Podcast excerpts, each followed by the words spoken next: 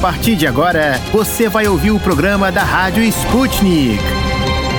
Olá, ouvintes. Eu sou a Tayana de Oliveira, apresento junto com a Melina Saad o programa de hoje da Rádio Sputnik. Semana chegando ao fim, tá? E vamos trazer agora os destaques desta sexta-feira, 1 de abril. O ex-juiz Sérgio Moro deixou o Podemos e se filiou à União Brasil. Segundo o jornal O Globo, o ex-ministro da Justiça desistiu de se candidatar à presidência da República, optando agora por concorrer à Câmara dos Deputados. Nos bastidores circula a informação de que a decisão de disputar uma vaga na Câmara por São Paulo ocorreu após reunião com o vice-presidente do União Brasil no Estado, Júnior Bozella, e o grupo de Alexandre Leite, filho do presidente da Câmara Municipal. Moro assinou a nova filiação em um hotel em São Paulo. Segundo pessoas próximas, ele relatou que se sentia boicotado pelo Podemos, já que a presidente da legenda, Renata Abreu, deixou clara a prioridade em eleger as bancadas no Congresso na eleição deste ano. Ainda sobre a corrida eleitoral, o governador de São Paulo, João Dória, desistiu do plano anunciado a aliados de renunciar ao governo governo paulista e segue como candidato à presidência da República pelo PSDB. Ontem pela manhã, ele tinha avisado aliados e auxiliares que havia desistido de concorrer à presidência pela sigla e que não iria mais deixar o cargo, como estava previsto. Só que horas depois, Dória voltou atrás. Segundo o Estadão, Dória havia reclamado da falta de apoio à sua pré-candidatura pelo presidente da legenda, Bruno Araújo. A decisão de Araújo de emitir uma carta deixando claro que o governador é a opção do PSDB para presidente presidência foi crucial para que Dória não desistisse do projeto. Vale ressaltar que isso acontece em meio a um movimento do agora ex-governador do Rio Grande do Sul, Eduardo Leite, em busca de uma candidatura ao Planalto. Ele perdeu nas prévias do partido para Dória, mas ainda é um nome lembrado por correligionários para assumir a cabeça de chapa. Em mais um capítulo do escândalo no Ministério da Educação, o jornal Globo divulgou que o ex-ministro Milton Ribeiro afirmou à Polícia Federal que recebeu um dos pastores acusados de negociar verbas verbas públicas para prefeitos a pedido do presidente Jair Bolsonaro. Milton Ribeiro virou alvo de inquérito da PF por suspeita de favorecer pastores na liberação de verbas da pasta para prefeituras. Mas, apesar da confirmação, o ex-ministro negou qualquer tipo de favorecimento e a existência de um gabinete paralelo na pasta. No cenário internacional, a Casa Branca anunciou ontem que nos próximos seis meses vai liberar um milhão de barris de petróleo por dia da reserva estratégica de petróleo. O objetivo é aumentar os volumes de combustível no mercado. A maior liberação de petróleo da reserva na história dos Estados Unidos fez cair os preços. O The Wall Street Journal ressalta que as declarações do presidente Joe Biden geraram críticas por parte da indústria petrolífera. O setor considera que Biden acusou injustamente as empresas energéticas americanas de não bombearem mais petróleo em resposta ao déficit provocado pelas sanções impostas pelos Estados Unidos em virtude da operação especial russa na na Ucrânia e pela recuperação da economia após a pandemia. Enquanto isso, o chanceler austríaco Karl Nehammer disse ser contra o embargo às entregas de gás e petróleo russos, medida tomada recentemente pela América e vários outros países. Hoje entrou em vigor o decreto do presidente Vladimir Putin estipulando que todos os pagamentos por fornecimento de gás com empresas registradas em países hostis devem ser efetuados em rublos. Na Rússia, um depósito de petróleo pegou fogo nesta sexta-feira na cidade de Belgorod, perto da fronteira com a Ucrânia. De acordo com o governador Vyacheslav Gladkov, o incêndio ocorreu em resultado de um ataque aéreo realizado por dois helicópteros das tropas ucranianas. Todos os serviços de emergência foram enviados ao local. De acordo com funcionários, dois empregados do depósito ficaram feridos, mas sem risco de morrer. Os moradores de três ruas nas proximidades do depósito foram transferidos para um local seguro. De acordo com os serviços de emergência, existe uma ameaça de o fogo se alastrar a outros 16 reservatórios próximos com combustível. Depois desses destaques, vamos conferir o que nós preparamos para o programa de hoje. E no programa de hoje. No Destrinchando a Charada Brasil, vamos falar sobre o encerramento do prazo para a janela partidária e também se o Brasil tem como aumentar em 70% a produção de petróleo nos próximos 10 anos. Na hora do play, a Alemanha também tinha programa biológico militar na Ucrânia. No Você Sabia, que é o nosso quadro sobre curiosidades do Brasil, vamos falar sobre o samba. Destrinchando a charada. De dentro e fora do Brasil. Política, economia, sociedade e tudo que engloba o maior país da América Latina. As charadas mais complicadas do Brasil são destrinchadas aqui. Olá, ouvintes. Olá, Melina. Vamos para mais um Destrinchando a Charada Brasil? Vamos sim, tá. E pelo que eu sei, hoje nós vamos continuar destrinchando um tema relacionado às eleições de outubro. Isso mesmo. Hoje termina o prazo para a janela partidária, ou seja, para que candidatos mudem de partido sem risco de perder o mandato. Durante esses 30 dias, pudemos acompanhar muitas movimentações. Citando rapidamente algumas delas, aqui nós tivemos a saída de Geraldo Alckmin do PSDB para se filiar ao PSB e a filiação da deputada deputada federal Marília Reis ao Solidariedade, antes a parlamentar era do PT. Essas foram algumas das inúmeras manobras envolvendo a corrida eleitoral. Apenas no intervalo de 20 dias foram 55 trocas. Isso mesmo, tá? E pelo menos 10% dos 513 integrantes da Câmara mudaram de partido. Isso sem falar nos ministros que deixaram o governo Bolsonaro para concorrer ao Senado. Só explicando para o nosso ouvinte, a janela partidária está prevista na lei e faz parte do calendário eleitoral, ou seja, ocorre em todo o ano em que há eleições. Ela foi regulamentada na reforma eleitoral de 2015. Naquela época, o Tribunal Superior Eleitoral entendeu que o mandato obtido nas eleições proporcionais, que define deputados e vereadores, pertence ao partido e não aos candidatos eleitos. A regra também está prevista na emenda constitucional número 91/2016. Fora do período da janela partidária, existem algumas situações que permitem a mudança de partido com base na saída por justa causa. Verdade, como por exemplo exemplo, fim ou fusão do partido, desvio do programa partidário ou grave discriminação pessoal. Já as mudanças de legenda que não se enquadrem nesses motivos podem levar à perda do mandato. Em 2018, o TSE decidiu que só pode usufruir da janela partidária a pessoa eleita que esteja no término do mandato vigente. Na prática, isso significa que os vereadores só podem migrar de partido na janela destinada às eleições municipais e os deputados federais e estaduais naquela janela que ocorre seis meses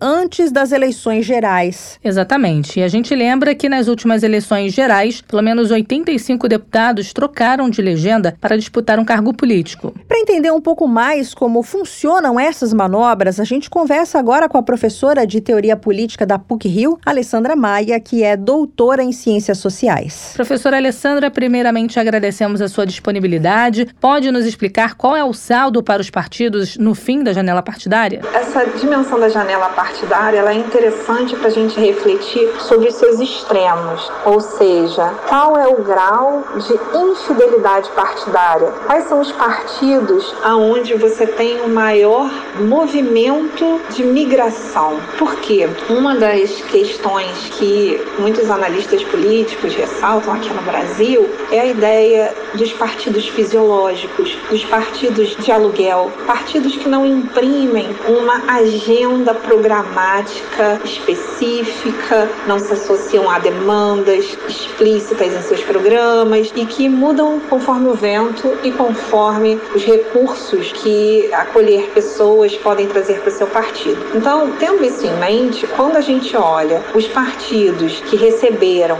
mais migrações comparativamente, você tem, né, pelo menos até as migrações que estão disponíveis até 25 de março, pelo menos, você tem o PL PL na dianteira, recebendo 32 pessoas. Em segundo lugar, republicanos, com 11. Em terceiro, PP, com 8. E no extremo oposto, perdendo 27 cadeiras, deputados, Partido União Brasil. Então, isso é interessante porque mostra, por um lado, o um movimento, o um não apego dos parlamentares aos seus partidos e um movimento muito claro ao PL pela filiação do presidente Bolsonaro, que não tinha partido, que antes estava no PSL e que, da mesma forma que ele inchou, né, ele fez uma bolha no PSL, vamos dizer assim, agora ele está fazendo uma bolha no PL. E essa bolha é uma bolha que a gente pode associar à falta de propostas, à não identificação, a um histórico partidário, ao partido de aluguel, enfim, uma série de problemas que são perenes na política brasileira. A instituição das federações motivou as transferências de partidos?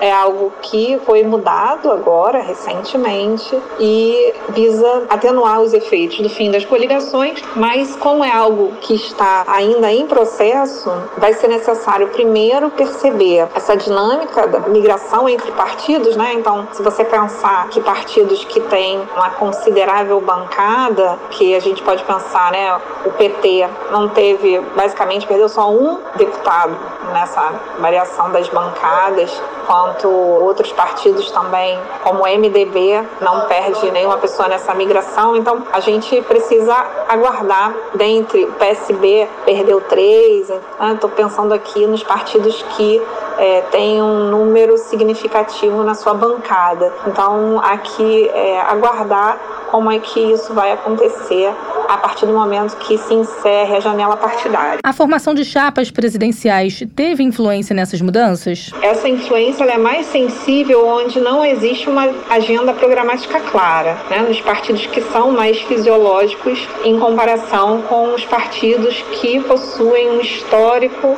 tradicional de uma agenda política e um projeto para o país. Então, eu acho que essa janela partidária ela ajuda a compreender justamente o não comprometimento político, que torna muito claro quem é que fica numa dança de cadeiras dentro do cenário atual do Brasil. Professora, na sua opinião, esse troca-troca de partido, de certa forma, pode fazer com que determinado candidato acabe perdendo a admiração do eleitor histórico dele? Eu acho que é uma sinalização importante o não comprometimento dos deputados com agendas, o não comprometimento de candidatos presidenciáveis a um determinado partido, porque se você não tem um comprometimento nem mesmo com o partido, que dirá com uma agenda de propostas para o país. Então eu acho que sim, isso uma sinalização clara de uma política não comprometida ou de uma política fisiológica ou de uma política que está disposta a todo tipo de movimento para não sair do poder. Então acho que essa é uma sinalização muito evidente que é possível notar, numericamente inclusive, do ponto de vista empírico. Podemos dizer que a troca de partido no ano eleitoral permite uma reconfiguração das forças políticas no cenário das próximas eleições? Eu acho que essa troca repentina de partido, ela na verdade enfraquece a cena eleitoral. Ainda que você possa perceber um movimento individualizado de uma ou outra pessoa que eventualmente mude de partido e faz isso na janela eleitoral, isso é um determinado modus operandi. Então você não tem mais espaço num determinado lugar, migra para um outro. Agora, uma outra dimensão que eu acho que a gente consegue ver é essa migração em bloco. Ela indica um não compromisso com uma agenda política programática, e sim com um personalismo exacerbado e, enfim, práticas políticas deletérias, porque quando a gente olha a questão né, dessas bancadas, quando você tem o tamanho da bancada, ele vai interferir, por exemplo, no horário eleitoral, no quanto você vai ter de tempo no horário eleitoral e também nos recursos do fundo partidário que serão recebidos posteriormente. Então, de novo, né, essa migração em bloco, esse efeito de manada, né, lembra até algo que a gente ouviu na campanha que era a boiada passando ou o efeito de rebanho. Então, esse efeito de rebanho, ele é muito deletério, né, das possibilidades de sucesso de uma política de longo prazo. Você possa imaginar, né, você provavelmente vai encontrar projetos políticos de país de longo prazo, de desenvolvimento, de metas, etc., em partidos onde você vê uma fidelidade partidária que não oscila em blocos, em movimentos de manada ao longo do tempo. Mas enfim, é isso. Nós conversamos com a professora de Teoria Política da PUC Rio, Alessandra Maia, que é doutora em Ciências Sociais. Muito obrigada por nos atender, professora. Até mais. Trazendo para os nossos ouvintes as informações sobre o calendário eleitoral, amanhã é o limite para os candidatos se filiarem a partidos políticos. Ocupantes de cargos públicos que pretendem disputar uma vaga nas eleições gerais deste ano também devem se afastar das funções até este sábado.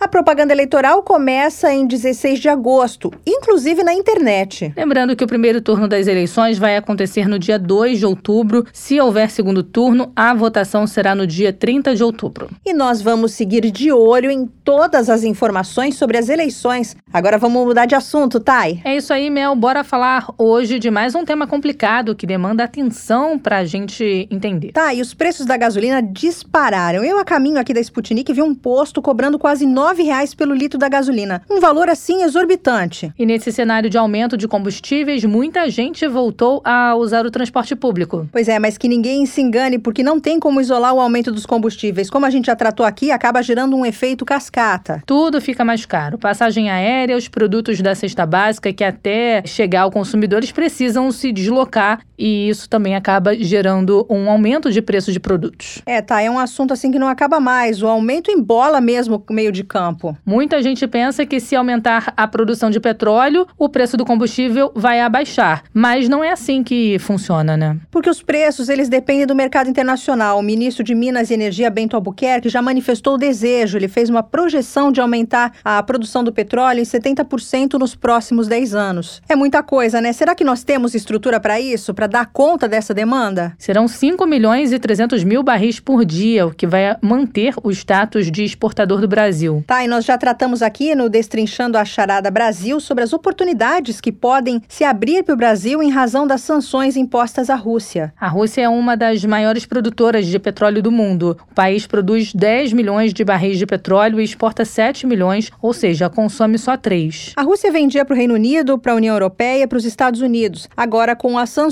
essas portas acabaram se fechando, né, Thay? É, os Estados Unidos já procuraram o Brasil interessados em uma maior produção de petróleo. Mas aí a gente esbarra naquela questão: será que o país consegue expandir a produção? E na estrutura também que a gente já falou, como é que fica a extração desse petróleo todo? Para falar sobre esse assunto, a gente chama o nosso convidado de hoje. Na linha, o professor Edmar Almeida, ele que é economista e professor do Instituto de Energia da PUC Rio. Seja muito bem-vindo aqui à Rádio Sputnik, professor Edmar. É um prazer ter o senhor aqui com a gente. O prazer é todo meu. Obrigado pelo convite e a oportunidade de trocar ideia com vocês e com os ouvintes. A gente que agradece, professor. Para esclarecer um pouco esse assunto aqui para a gente e para os nossos ouvintes, eu começo te perguntando se o Brasil tem capacidade para essa expansão em 70% da produção de petróleo. Sim, eu acredito que o Brasil vai crescer a produção de petróleo de forma acelerada nos próximos anos, porque nós fizemos uma série de leilões de áreas já descobertas nos últimos dois, três anos, e esses projetos já estão sendo implementados. Petrobras, por exemplo, já tem 10 plataformas em, encomendadas, então não são intenções, são contratos já firmados, e umas quatro outras plataformas para serem já planejadas para serem contratadas, além de outras empresas privadas que já têm projetos em andamento no Brasil. Então, é, vamos ver, esse crescimento é, de certa forma, resultado de descobertas já existentes, né? não depende, não tem muita incerteza geológica em relação a esses projetos. O que pode acontecer é eventuais atrasos, mas isso, atraso na construção de plataformas, são coisas normais. De toda maneira, o Brasil vai chegar nesse patamar aí de 5 milhões de barris até 2030. Tomara que sim, né, professor? Quais seriam as dificuldades do Brasil para aumentar essa produção? Olha, a principal dificuldade é manter o ritmo de investimento investimentos. Para você fazer esse investimento, você precisa de muito recurso e esses investimentos eles estão liderados, em, na sua maioria, pela Petrobras. A Petrobras é chave nisso, né? Então, como ela é a empresa operadora desses projetos, se a Petrobras ficar sem dinheiro, aí você pode ter um problema para atingir essas metas de produção. Né? Então, eu acredito que esse é o principal desafio. Tem outras questões que têm a ver mais com questões mais operacionais, e basicamente é a compra de equipamentos. Com a pandemia, né, as cadeias globais de valor, a indústria internacional de bens de capital, os estaleiros, eles começaram a ter problemas operacionais para manter, atender todas as encomendas. E nós estamos assistindo aí um problema de logística no mundo. Então, isso poderia atrasar eventualmente algum projeto, mas eu não acredito que isso compromete, quer dizer, isso não é um, um fator que pode, vamos dizer assim, fazer com que o Brasil não atinja esse valor de 5 milhões de barris. O que pode acontecer é escorregar é, previsões de 2027, passar para 2029, esse tipo de coisa. É, o senhor falou agora há pouco, professor, dessa expectativa de a gente atingir esse patamar aí de 5 milhões de barris em 2030. Então, esse aumento de produção vai ser uma coisa gradativa, né? Não vai ser uma coisa acelerada. É a previsão que o ano que vem a gente aumenta em cerca de 300 mil barris é, produção de petróleo no Brasil, ou seja, isso tem a ver com projetos que já estão contratados, né? coisas que já estão sendo finalizadas, é, então todos os investimentos já estão, vamos dizer assim, em implementação, e depois, gradativamente, o grande aumento vai ser, segundo a previsão do próprio governo, vai ser a partir de 2025. A partir de 2025 aí você tem um crescimento mais acelerado, que vários projetos vão atingir a maturidade mais ou menos nessa época. Daí em 2025 até 2027, a 30, esse período aí que o Brasil vai crescer mais de um milhão de barris, três anos, na verdade. A pergunta que todo mundo quer saber, que tem a ver com o nosso bate-papo, né, Thay, aqui no comecinho, se aumentar a produção de petróleo, a nossa gasolina aqui internamente aqui para o brasileiro ela vai ficar mais barata porque esse preço está exorbitante. Nunca nós tivemos uma gasolina tão cara. Na verdade, não existe uma relação direta entre essas duas, essas duas coisas. O Brasil hoje é autossuficiente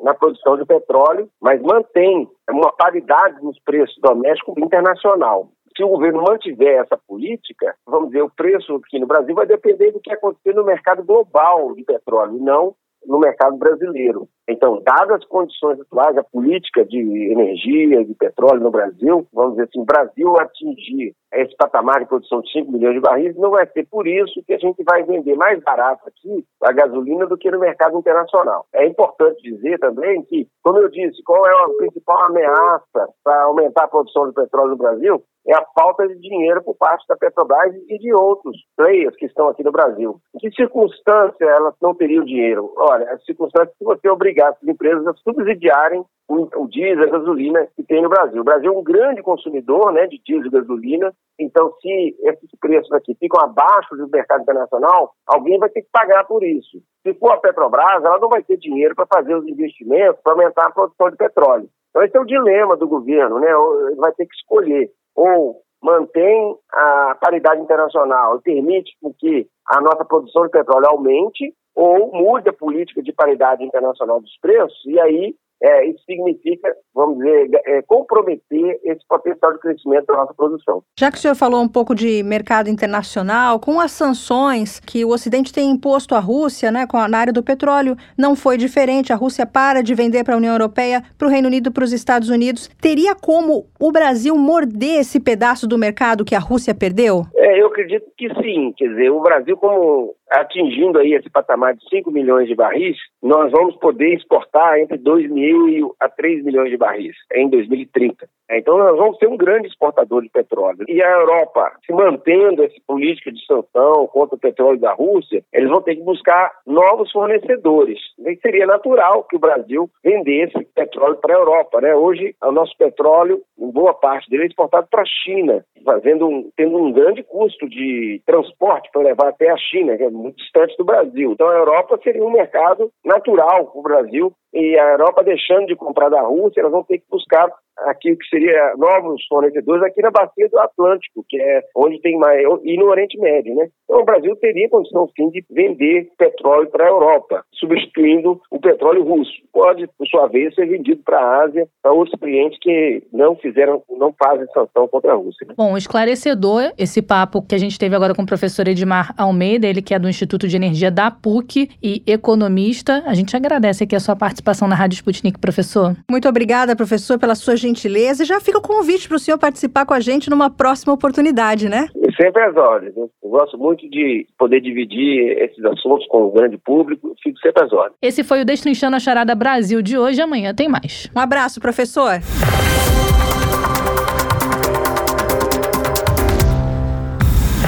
Não se esqueça de ler, curtir e comentar nossas matérias no site br.sputniknews.com. Para ficar por dentro de todas as novidades, tanto mundiais como brasileiras, se inscreva no nosso canal do Telegram. É muito simples. É só você escrever Sputnik Brasil na busca do Telegram e se inscrever para receber as notificações. Hora do Play. Curtidas e mais curtidas da Rússia ao Brasil. Confira com a gente os vídeos da Sputnik Brasil que estão bombando na internet e fique por dentro do que está sendo filmado por amadores e profissionais pelo mundo.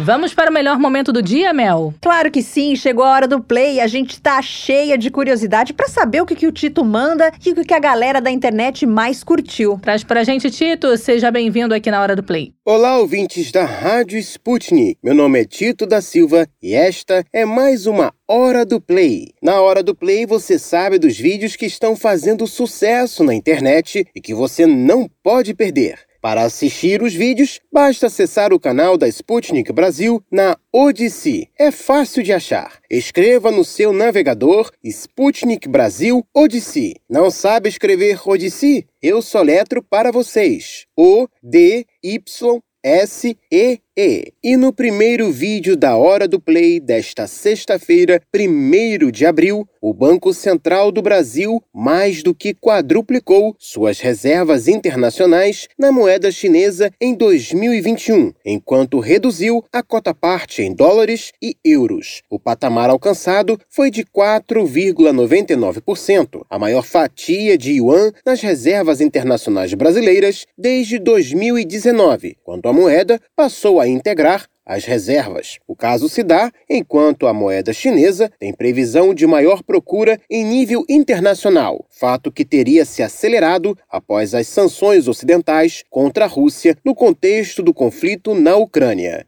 Para assistir ao vídeo, digite assim na Odyssey: Brasil quer se livrar do dólar? BC quadruplica reservas em yuan chinês. E no segundo vídeo de hoje, a Alemanha realizou seu próprio programa biológico militar no território da Ucrânia, de acordo com Gennady Gatilov, representante permanente da Rússia na sede das Nações Unidas em Genebra, na quinta-feira, 31 de março. A acusação russa sublinhou que as atividades da Alemanha, até agora desconhecidas do público, representam o mesmo grau de ameaça que as pesquisas biológicas dos Estados Unidos e requerem uma análise detalhada. É válido relembrar que nas últimas semanas a Rússia apresentou diversos documentos apontando a participação dos Estados Unidos em pesquisas biológicas com patógenos na Ucrânia. Para mais detalhes, digite na Odyssey. A Alemanha tinha programa biológico militar na Ucrânia, tal como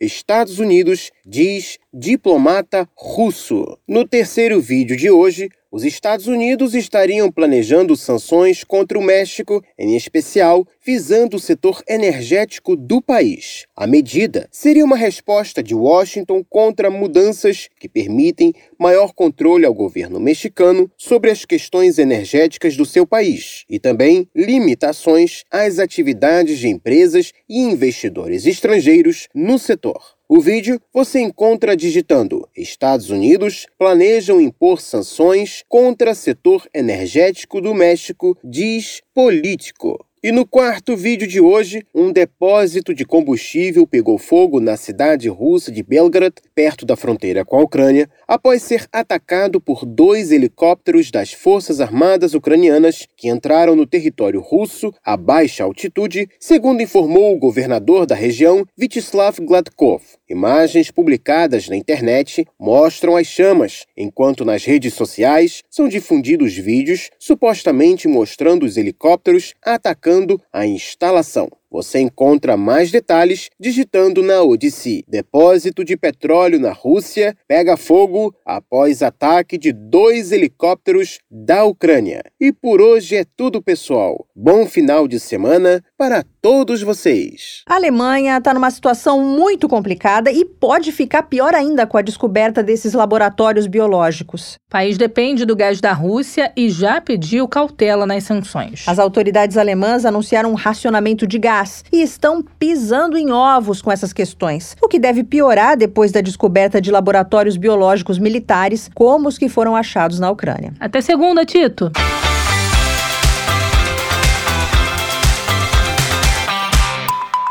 Para ficar por dentro de todas as novidades, tanto mundiais como brasileiras, se inscreva no nosso canal do Telegram. É muito simples. É só você escrever Sputnik Brasil na busca do Telegram e se inscrever para receber as notificações. Não se esqueça de ler, curtir e comentar nossas matérias no site br.sputniknews.com. Você sabia? Não? Agora vai saber! País gigante como o Brasil, sempre há mistérios ou peculiaridades históricas que merecem ser desvendados. Vem com a gente descobrir!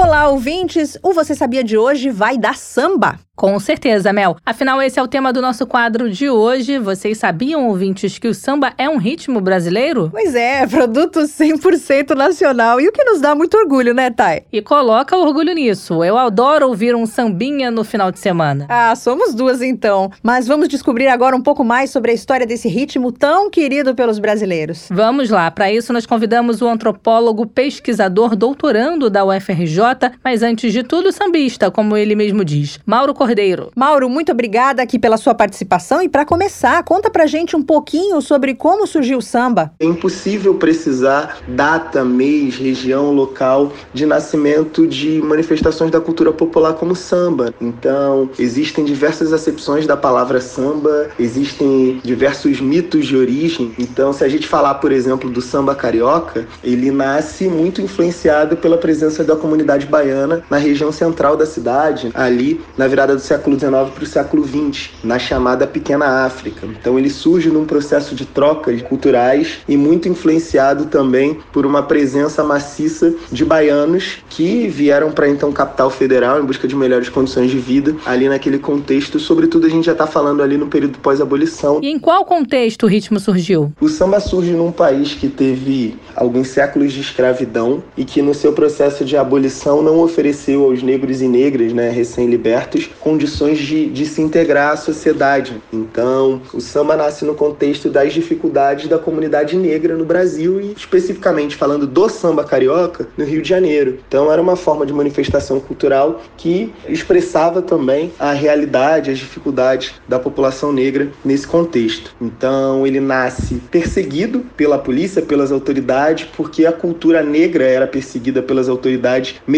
depois da abolição e com a proclamação da República em 1800 1989. Esse cenário só vai mudar em relação ao samba, mas também à capoeira, enfim. Algumas décadas mais à frente, já no projeto de construção de uma identidade nacional na década de 30. Nós sabemos que há outros ritmos brasileiros, como o forró e o chorinho, por exemplo. É possível medir o gênero que carrega mais brasilidade? Samba ou chorinho? Como antropólogo, eu tendo a achar que é muito difícil nós medirmos ou precisarmos o que é mais brasileiro ou menos brasileiro. Todos os gêneros que nasceram no Brasil e que são produzidos no país são tão brasileiros, uns quanto outros têm o mesmo grau de brasilidade. Essa ideia do que é a brasilidade, é preciso a gente lembrar que ela é resultado de uma construção política, né, que tinha uma intenção muito manifesta. E o samba cumpre um papel na construção dessa identidade nacional muito por conta da capacidade dos sambistas de, através de um processo de negociação, de mediação, que envolveu conflitos, dialogando com uma intelectualidade né, que está produzindo, buscando elementos que vão marcar nossa nacionalidade ali na década de 20, sobretudo, de conseguir transformar o samba ou de mostrar que o samba poderia cumprir esse papel de ser um veículo né, produtor dessa integração nacional. A gente está falando de um país de dimensões continentais que, em determinado momento, vai construir a sua identidade a partir das manifestações da cultura popular e o samba ocupa esse papel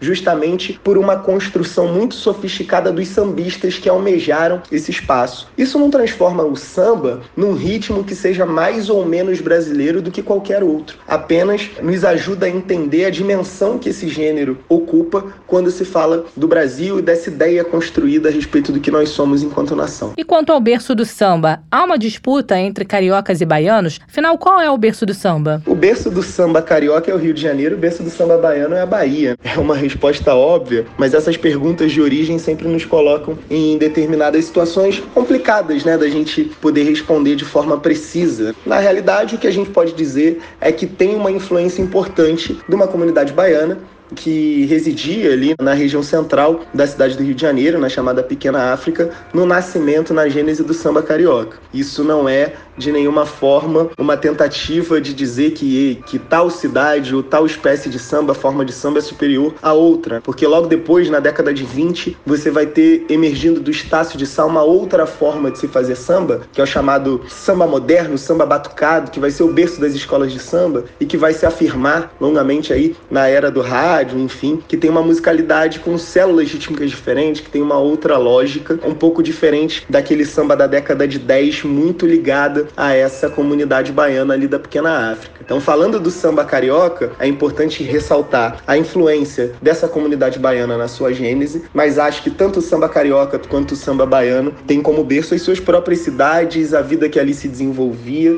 e são resultado de um processo de trocas e de desenvolvimento musical, artístico, são resultado das formas de vida que existiam nessas cidades. Alguns ritmos, sobretudo aqueles que vêm das periferias, acabam sofrendo algum tipo de preconceito. Como é que o samba foi recebido pelo público? Olha, no contexto de nascimento, né, de origem, de quando ele surgiu, a gente tem que entender que ele surge antes de estar no mercado fonográfico. Então, ele surge nas rodas, como uma prática, como um espaço de sociabilidade, não necessariamente como um gênero musical já veiculado, enfim, recepcionado por um amplo público. E aí ele começa a se disseminar nas festas, nos espaços de sociabilidade da cidade, como a Festa da Penha, como os eventos, as rodas de samba que existiam na pequena África e vão se espalhando por outros lugares da cidade, sobretudo os territórios periféricos, os morros, as favelas e os subúrbios. Então ele é recebido pelo público como uma novidade que vai se transformando e através dos carnavais, de espaços como a Festa da Penha, vai se transformando num ritmo, num gênero bastante popular. Agora falando sobre os artistas, na sua opinião, quais são os principais nomes do samba? Olha, lista de nome é muito complicada, mas a gente é infindável a relação dos nomes importantes quando a gente fala do samba. E qualquer escolha, ela acaba por incorrer no erro, porque a gente está falando de algo que não é objetivo. Eu gostaria de destacar o nome da figura da Tia Ciata, que além de uma grande, muito importante pela sua liderança social e política, foi uma musicista, uma partideira, compositora, que reivindicou inclusive a autoria do Pelo Telefone. A gente pode falar da Dona Ivone Lara, a gente pode falar de Cartola,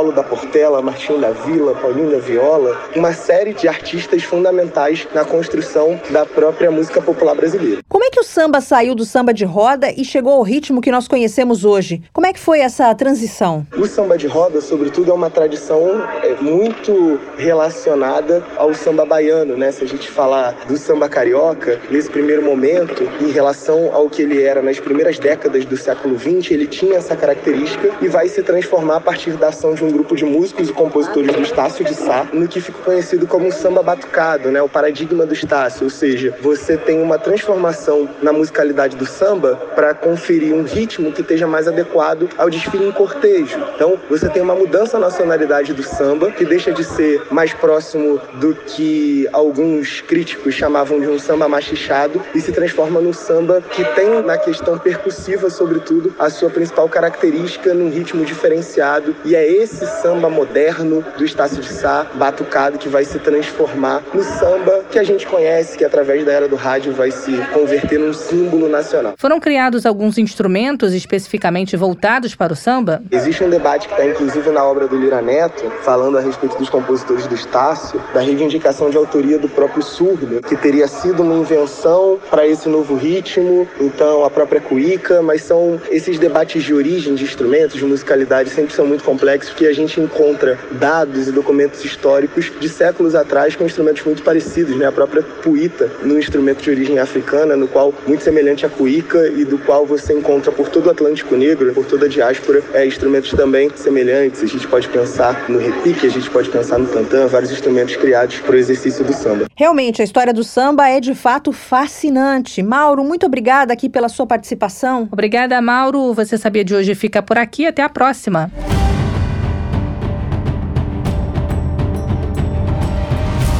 Olá, ouvintes. Vocês sabiam que a revista de História da Biblioteca Nacional foi um dos primeiros veículos do tipo a ser distribuído gratuitamente para escolas públicas de todo o Brasil? Eu não sabia, Mel. Iniciativas desse tipo são importantíssimas para levar o conhecimento aos mais diversos cantos do Brasil. Com certeza, tá. E leva de um jeito diferente daquele que é tratado em sala de aula, o que pode ajudar e muito no processo de aprendizado dos alunos. E é sempre bom lembrar que conhecer a nossa história é fundamental para entendermos o nosso presente e nos prepararmos melhor para o nosso futuro. E não repetir os erros do passado, né, Thay? Exatamente, Mel. E para falar um pouquinho sobre a revista de história da Biblioteca Nacional, convidamos o historiador e ex-editor-chefe da publicação, Rodrigo Elias. Rodrigo, muito obrigada pela sua participação aqui na Rádio Sputnik. Para começar, poderia falar um pouco sobre como surgiu a publicação? A RHBN, né, a Revista de História da Biblioteca Nacional, é uma espécie de desdobramento de uma publicação anterior,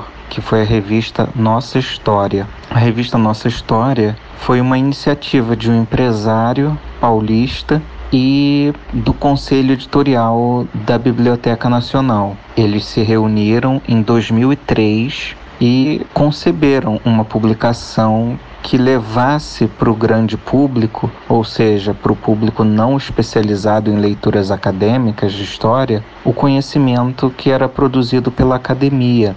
Já se sabia que ali no início do século XXI, a produção historiográfica brasileira era muito sofisticada. Já depois de 30 anos de produção acadêmica, científica, das pós-graduações, programas de mestrado, de doutorado, já sabia que a produção de história no Brasil era bastante qualificada, bastante sofisticada, mas se sentia falta de que essa produção chegasse à população em geral, aos leitores de revista, de jornais, mas que não fossem necessariamente historiadores ou acadêmicos. A partir daí, um grupo de historiadores jovens ainda uh, se reuniram no Palácio Capanema, no Rio de Janeiro, e conceberam essa publicação, como ela seria, quais seriam as suas sessões. E o primeiro número da nossa história foi lançado em novembro de 2003. Ah, posteriormente, houve um desacordo entre a direção da revista e a Biblioteca Nacional. A partir daí, a Biblioteca Nacional lançou outra revista, que foi a Revista de História da Biblioteca Nacional, a RHBN. Isso aconteceu em 2005. Então houve uma separação. Pouco tempo depois, a revista Nossa História, né, a original, ela parou de ser publicada e a RHBN foi uma espécie de continuação daquele projeto editorial. Rodrigo, a revista já foi construída com essa intenção de conversar com o público das escolas municipais brasileiras? O principal objetivo, tanto da nossa história quanto da revista de história da Biblioteca Nacional, era tirar a produção acadêmica de dentro dos muros da universidade. O objetivo inicial não era necessariamente chegar às escolas públicas, mas nós tínhamos sim a intenção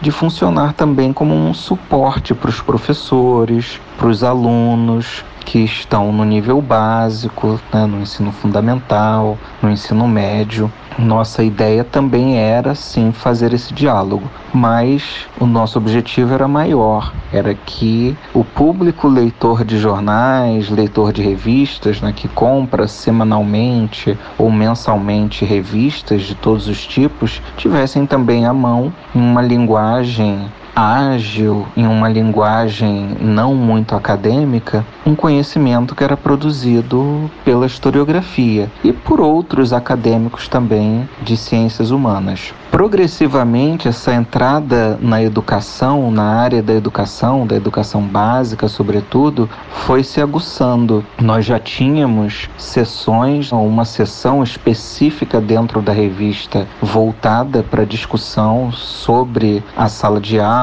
sobre o ensino, e com o tempo, essa tendência da revista ou essa afinidade da publicação com a sala de aula e com o ensino básico, essa tendência foi se afirmando ainda mais, mas isso foi se aprofundando ao longo do tempo. A revista de História da Biblioteca Nacional, ela começou a entrar de uma maneira mais decisiva nas escolas a partir de um programa do governo federal, né, um programa do Ministério da Educação que levava publicações para dentro das escolas. Era um programa de estímulo à leitura e à formação de leitores dentro das escolas. E a partir daí, a revista de história da Biblioteca Nacional, ela passou a se encaixar também nessa tendência e nessa vontade do Estado brasileiro da criação de leitores. Então, a partir daí, a revista passou a ser comprada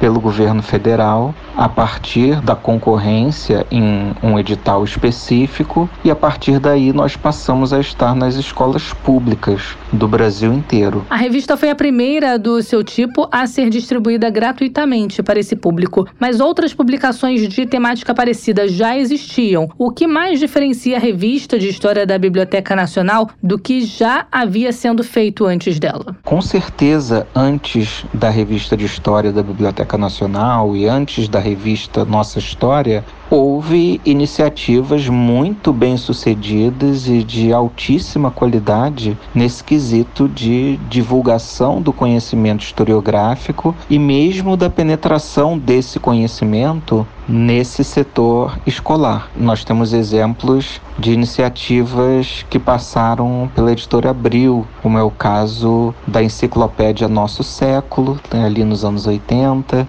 da enciclopédia Saga também, são materiais que ainda hoje servem de referência para quem trabalha com divulgação de história, divulgação do conhecimento histórico. Essas iniciativas tiveram envolvimento de historiadores e historiadoras muito importantes na historiografia brasileira e foram colecionadas por estudantes, professores, né, por brasileiros em geral interessados em história ali ao longo dos anos 80. Então, algo já havia nesse sentido da divulgação e na chegada às escolas como uma espécie de material paradidático. O que diferenciava a revista Nossa História, sobretudo a revista de história da Biblioteca Nacional, que foi muito mais longeva e participou desse programa de compra do governo federal, foi a nossa periodicidade, que era mensal, a amplitude dos autores, das autoras, das abordagens e da temática ou das temáticas possíveis. Então, essa riqueza que era basicamente a multiplicidade de vozes que passavam pela revista, isso foi um diferencial da RHBN. E como os alunos e professores das escolas municipais recebiam a publicação? Eles gostavam? A RHBN foi muito bem recebida pela comunidade escolar sobretudo por professores e por alunos. Nós recebíamos cartas, correspondências, né, e-mails com professores, professoras dando depoimento, com alunos também, né, com os estudantes, as estudantes também dando depoimentos sobre a leitura da revista e o uso na escola. Inclusive, a partir de determinado momento,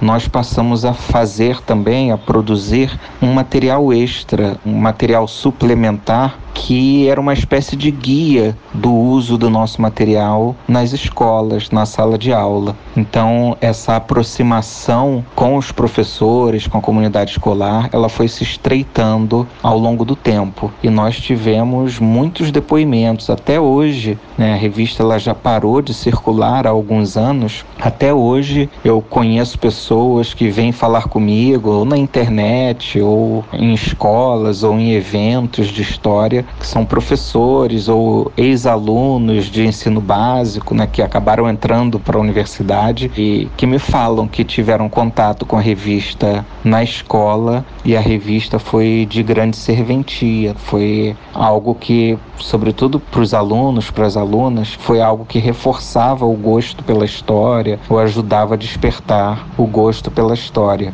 Então, nesse sentido, a revista foi bem sucedida. Quais foram os temas publicados que mais repercutiram para esse público e por quê? Bem, a revista ela circulou por muito tempo, por vários anos, por mais de 10 anos se nós considerarmos sobretudo as duas publicações, e nós tivemos uma amplitude temática, uma amplitude de abordagens e de autores muito grande. Então, muitos temas cativaram a atenção do público, tanto do público escolar como do público leitor em geral. Eu posso citar algumas capas que eu lembro que repercutiram bastante, que chamaram muito a atenção. Foram, por exemplo, as capas sobre sociedades secretas, sobre maçonaria, por exemplo. Nós demos algumas capas tratando também da questão do nazismo, do nazismo no Brasil especificamente.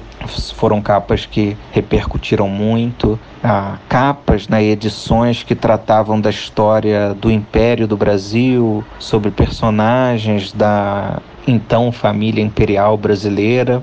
Agora, um tema, né, ou os temas que mais atraíam de alguma maneira os nossos leitores, as nossas leitoras, são temas caros à história social e política do Brasil. Por exemplo, as capas e os textos sobre a história da escravidão, sobre a história da escravidão no Brasil, os textos e as capas sobre a ditadura militar no Brasil também eram capas que repercutiam muito, né? são temas, né? tanto a escravidão quanto a ditadura sobretudo a última ditadura, a ditadura militar, inaugurada em 64, são temas não só muito dolorosos, mas são temas fundamentais da história do Brasil e a repercussão no nosso público não era diferente né, dessa importância. O público se importa, o público brasileiro se importa com esses temas e é ávido pela discussão desses temas também. Isso também se refletia no interesse escolar. Rodrigo, como professor, qual que é a importância de nós termos acesso a uma publicação desse tipo na rede pública de ensino brasileira? Eu sou suspeito para falar da importância do acesso a esse tipo de material no Brasil. A revista parou de circular ali em 2016. Eu não vejo uma melhoria no Brasil de 2016 para cá, em vários setores. E eu considero que o brasileiro e a brasileira, de uma maneira geral, carecem de uma discussão profunda, qualificada e ao mesmo tempo acessível, num formato palatável, sobre a formação do Brasil, sobre nossas profundas questões sociais, culturais. Então, a revista ao mesmo tempo em que ela funcionava como uma espécie de instrumento para ajudar a formar leitores e leitoras, ela trazia discussões importantes sobre quem nós somos. Estudar a história de um país é saber um pouco quem nós somos, né, de uma maneira um pouco mais profunda do que um retrato do presente. Então me parece que era uma publicação que não era irrelevante. Me parece que a circulação da revista de história da Biblioteca Nacional fazia sentido num país com tantos problemas estruturais como nós temos, essa discussão constante, mensal, né, que se tornava diária a partir também das escolas, me parecia algo importante. Mas a sociedade brasileira abriu mão bem rapidamente da revista. Então talvez a minha análise não corresponda ao sentimento verdadeiro do país em relação a esse tipo de discussão. Olha, Rodrigo, nem sempre as decisões do governo estão em linha com o que pensa a sociedade. Olha, com certeza, tá. Eu, pelo menos, acho toda a iniciativa para dar acesso ao conhecimento ao grande público válida. Exatamente. Agora conta um pouco pra gente sobre o fechamento da revista. Como e por que isso aconteceu? A RHBN acabou aos poucos acabou aos poucos a partir, sobretudo de 2015, quando mais uma vez nós ganhamos um edital para compra das revistas, mas o governo federal não efetivou a compra. Essa era uma compra que ajudava muito a sustentar a revista financeiramente. Nós não tínhamos muitos anunciantes, tínhamos poucos anunciantes, mas anunciantes importantes. E tínhamos essa compra de mais de 100 mil exemplares mensais da revista, feito pelo governo federal para distribuição nas escolas, que era uma compra feita a partir de um edital que nós havíamos vencido. O último que nós vencemos acabou não sendo comprado pelo governo federal, então isso nos afetou profundamente. E ali também, a partir de 2015, 2016, nós temos a Lava Jato. E a Lava Jato atingiu em cheio a Petrobras. A Petrobras era o maior patrocinador, né, era a empresa que tinha maior cota de patrocínio da revista de história da Biblioteca Nacional. E a partir ali de 2015 para 2016, a Petrobras, de uma hora para outra, simplesmente suspendeu seus patrocínios culturais e a revista de História da Biblioteca Nacional foi atingida diretamente por conta disso. Posteriormente, a partir ainda de 2016, com uma mudança no governo, uma mudança de governo, na verdade, uma mudança através de um processo de impeachment, a partir dali a Petrobras vai entrar para uma nova direção e não interessou mais politicamente a Petrobras apoiar uma revista como a revista de história da Biblioteca Nacional. Então, uma empresa como a Petrobras decidiu que a revista de história da Biblioteca Nacional não mereceria mais esse apoio e por outro lado, o novo governo instaurado também ali em 2016 decidiu que não compraria a revista. Então nós tivemos essas decisões empresariais e governamentais de que a revista de história da Biblioteca Nacional não era mais digna de circular, digna de ser produzida. Então foi uma escolha, né? A revista ela não acabou por acaso, ela acabou num processo, mas num processo que envolveu também né, escolhas econômicas, escolhas políticas. É uma pena mesmo, Rodrigo. Fica a nossa torcida para melhores dias para a divulgação científica brasileira. Sem dúvida, Thay. Rodrigo, muito obrigada pela sua participação e nós esperamos contar com ela novamente em outras oportunidades. O nosso Você Sabia de hoje fica por aqui. Até a próxima.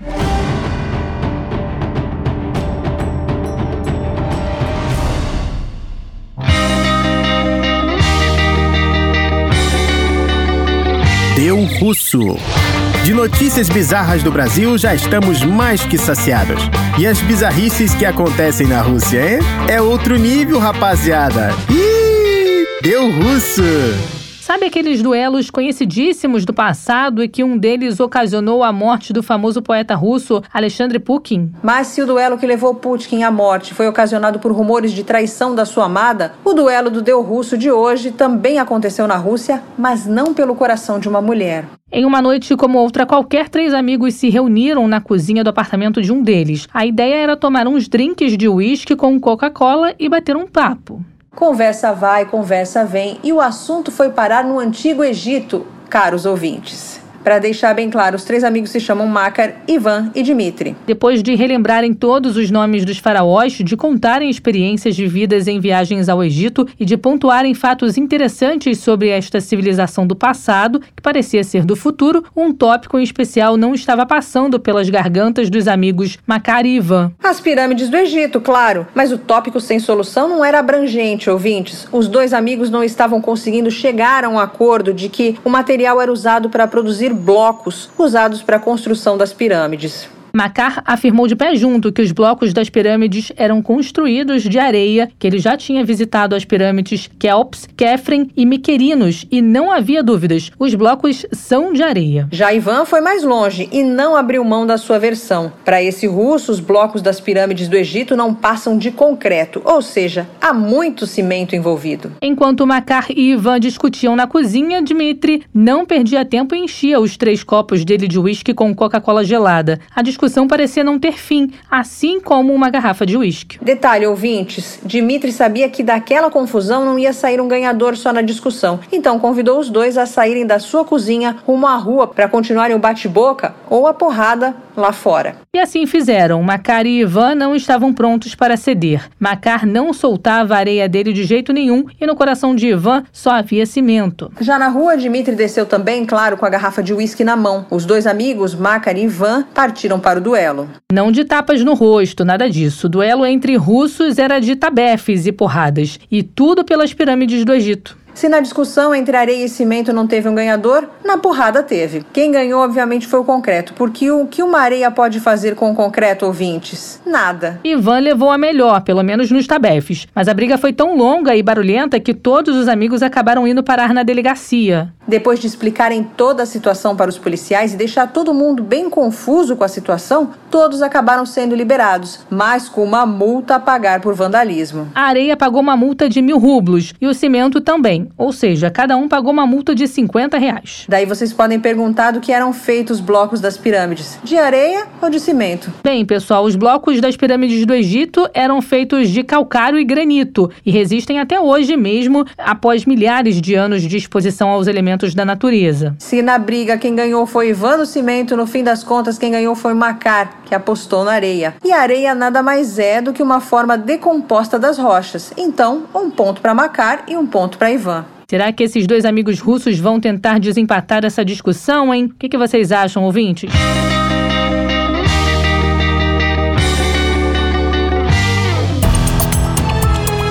Hora de dar tchau. Chegamos ao fim do programa e da semana. Essa foi a edição de 1 de abril. Eu tenho certeza que os nossos ouvintes vão continuar ligados em toda a nossa programação. E para isso, basta dar uma passadinha no site da Sputnik Brasil, br.sputniknews.com, para conferir as notícias do momento. Lembrando que temos também o nosso canal da Sputnik Brasil no Odyssey. Não dá para perder, né? Lá, os nossos ouvintes encontram os vídeos dos assuntos mais importantes do momento, tanto no Brasil como no resto do mundo Fiquem ligados também nas informações sempre atualizadas no Twitter e Telegram da Sputnik Brasil. Uma boa sexta-feira para vocês e aproveitem o fim de semana. Tchau, pessoal. Você acabou de ouvir mais um programa da Rádio Sputnik.